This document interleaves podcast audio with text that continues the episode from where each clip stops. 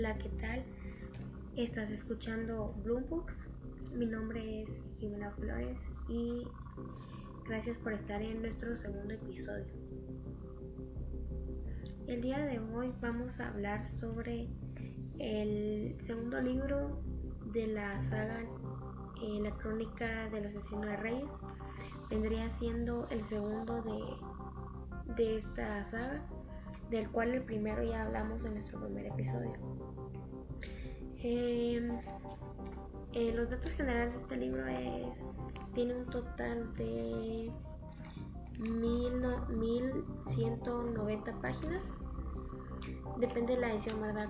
Eh, de qué edición tengamos, porque puede ser de que la letra sea más pequeña o más grande, entonces eso hace que sea menos o más páginas. Eh, para empezar, les quería decir de que eh, voy a tratar de no hacer spoilers para que las personas que no lo hayan leído puedan leerlo sin, eh, sin ningún spoiler, así poder sentirse a gusto y no enterarse nada de la trama que sea muy importante. Eh, si no han escuchado mi podcast el primero, por favor escúchenlo ya que es muy, ya que los va a introducir a, al primer libro, que es importante para poder saber sobre este segundo. Entonces vamos a empezar. Este libro sería el segundo día de la historia de Quote que cronista está escribiendo para que todo el mundo eh, pueda conocer su verdadera historia. Em, para mí este libro me gustó más que el primero, ya que el primero es como, como una introducción a toda esta saga, bueno, esta trilogía, ya que no está el tercero todavía. Es como una introducción a, a todo, pues a los personajes, a la magia de que miramos en estos libros, para que podamos comprender a Quote, para que sepamos qué es lo que él persigue, cuáles son sus, para podamos entender cuáles son las decisiones que él toma y por qué las toma. Este primer libro a mí se me hace un poco lento, pero pues nos ayuda, ¿verdad? O sea, y es muy interesante, pero a mi gusto me gustó más este segundo, porque podemos entrar más en los personajes, podemos ver sus personalidades, cómo es cada personaje. Eh, vamos a conocer a personajes que no estaban en la primera en el primer libro vamos a conocer más de la universidad de los profesores de la universidad ya que hay un profesor que se llama Elodie que ya sale en el primero aquí en este libro vamos a en las primeras páginas creo yo que es como a la 300 calculo. En estas primeras 300 páginas podemos saber más sobre este profesor ya que es para mí es un personaje muy muy interesante ya que es en los primeros libros no se en el primer libro no se toma eh, mucho en profundizar en ese personaje entonces me gustó mucho que haya profundizado en él. Eh, también como decía podemos ver más sobre la universidad sobre el sistema de magia de esta universidad, bueno, de todo este, este mundo donde se está basado el, la historia. También podemos conocer más sobre los territorios, el mapa de donde se está narrando esta, estos dos libros, ¿verdad? Que no, porque Quote va a venir y tener aventuras que lo van a sacar de, de la universidad entonces vamos a poder conocer más, más lugares de este, este universo. También quisiera hablarles eh, más sobre el sistema de magia, ya que este es muy inusual. Eh, la magia en, estos libros es, o sea, tiene sentido. O sea, podemos encontrar lógica a la magia no solo no es como varios libros que ya hay, que solo dicen ah porque sí vamos a hacer que esto se levante o, que ellos puedan lanzar hechizos así por arte de magia eh, Entonces este, estos libros lo que hacen son de que te dan, te permiten entender cómo es que funciona eh, esta magia y relativamente no es magia porque es, ellos dan a entender que es como ciencia.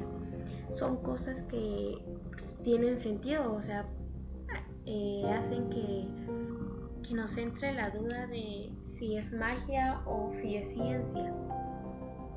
Y es más, hasta el término magia lo usan como que fuera burla hacia las personas que no saben qué significa esto, porque ellos dicen, estás haciendo magia, entonces te contestan, no, es simpatismo o es nominación, que vendría siendo el nombre, nombre científico que les dan en la universidad a estos tipos de técnicas. Entonces magia vendría siendo como un término supersticioso en estos libros, ya que eh, nominación y simpatismo son los nombres científicos que Patrick Rothfuss les les va a dar a su sistema mágico en estos libros.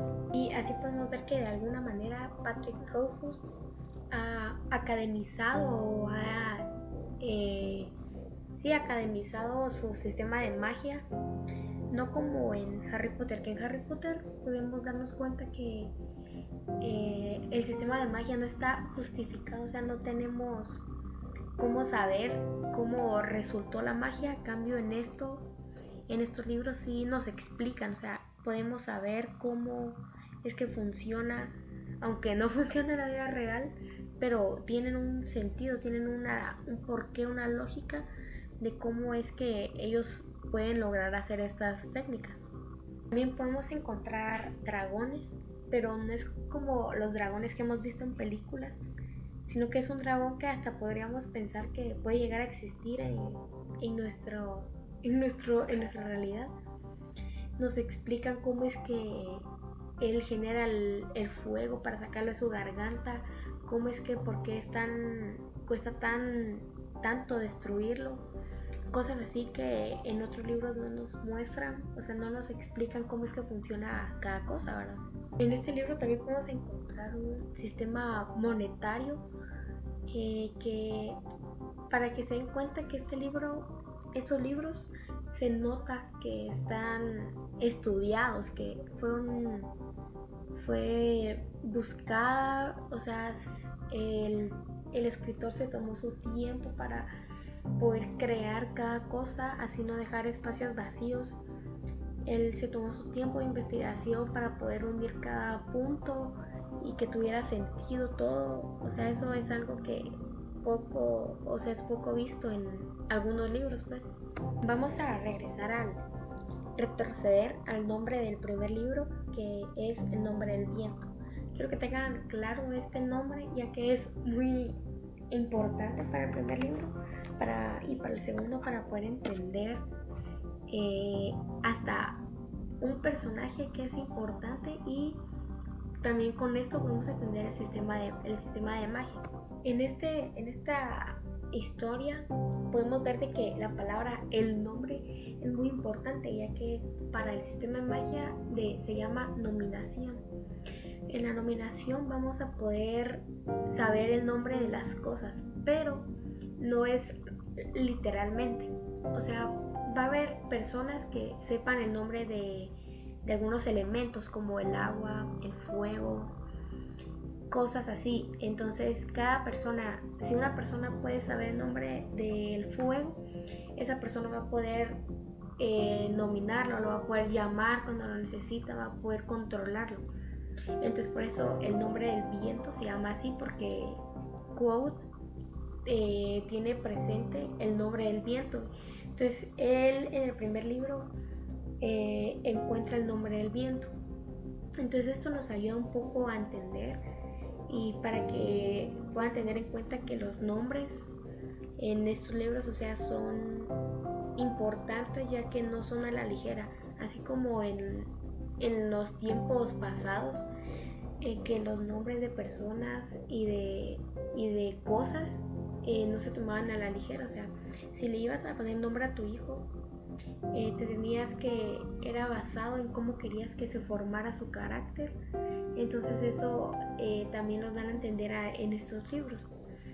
Y si nos, vamos si nos ponemos a pensar, cuando les pusieron los nombres a los animales, era porque querían tener poder sobre los animales. Entonces esto también te ayuda un poco a entender eh, la forma de pensar de, de Patrick Rothfuss al crear estos, estos libros.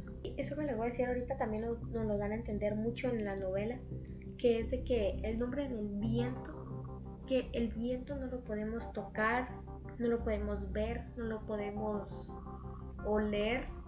Entonces esto quiere decir que el nombre del viento va y viene como el viento. Entonces no es que vengas y digamos que el viento se llama Marco y ya vas a poder decir Marco y va a venir a ti, sino que es un nombre como más, no diría espiritual, pero es la palabra que más se acerca y más se me viene a la mente en este momento. Que, y el viento, el nombre del viento cambia, no siempre va a ser el mismo, tú tienes que poder eh, dominarlo bien. Entonces esto que les digo también les nos dan a, nos lleva a un personaje que se llama Dena.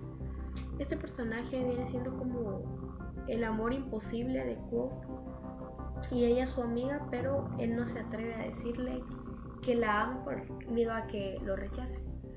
Entonces eh, también reflejamos de que el nombre del viento puede ser eh, reflejado en Dena, ya que ella viene, va sin dejar rastro, ella solo llega cuando la están buscando y cuando ella quiere ella se cambia constantemente el nombre para no ser encontrada tan fácilmente en el primer y en el segundo libro.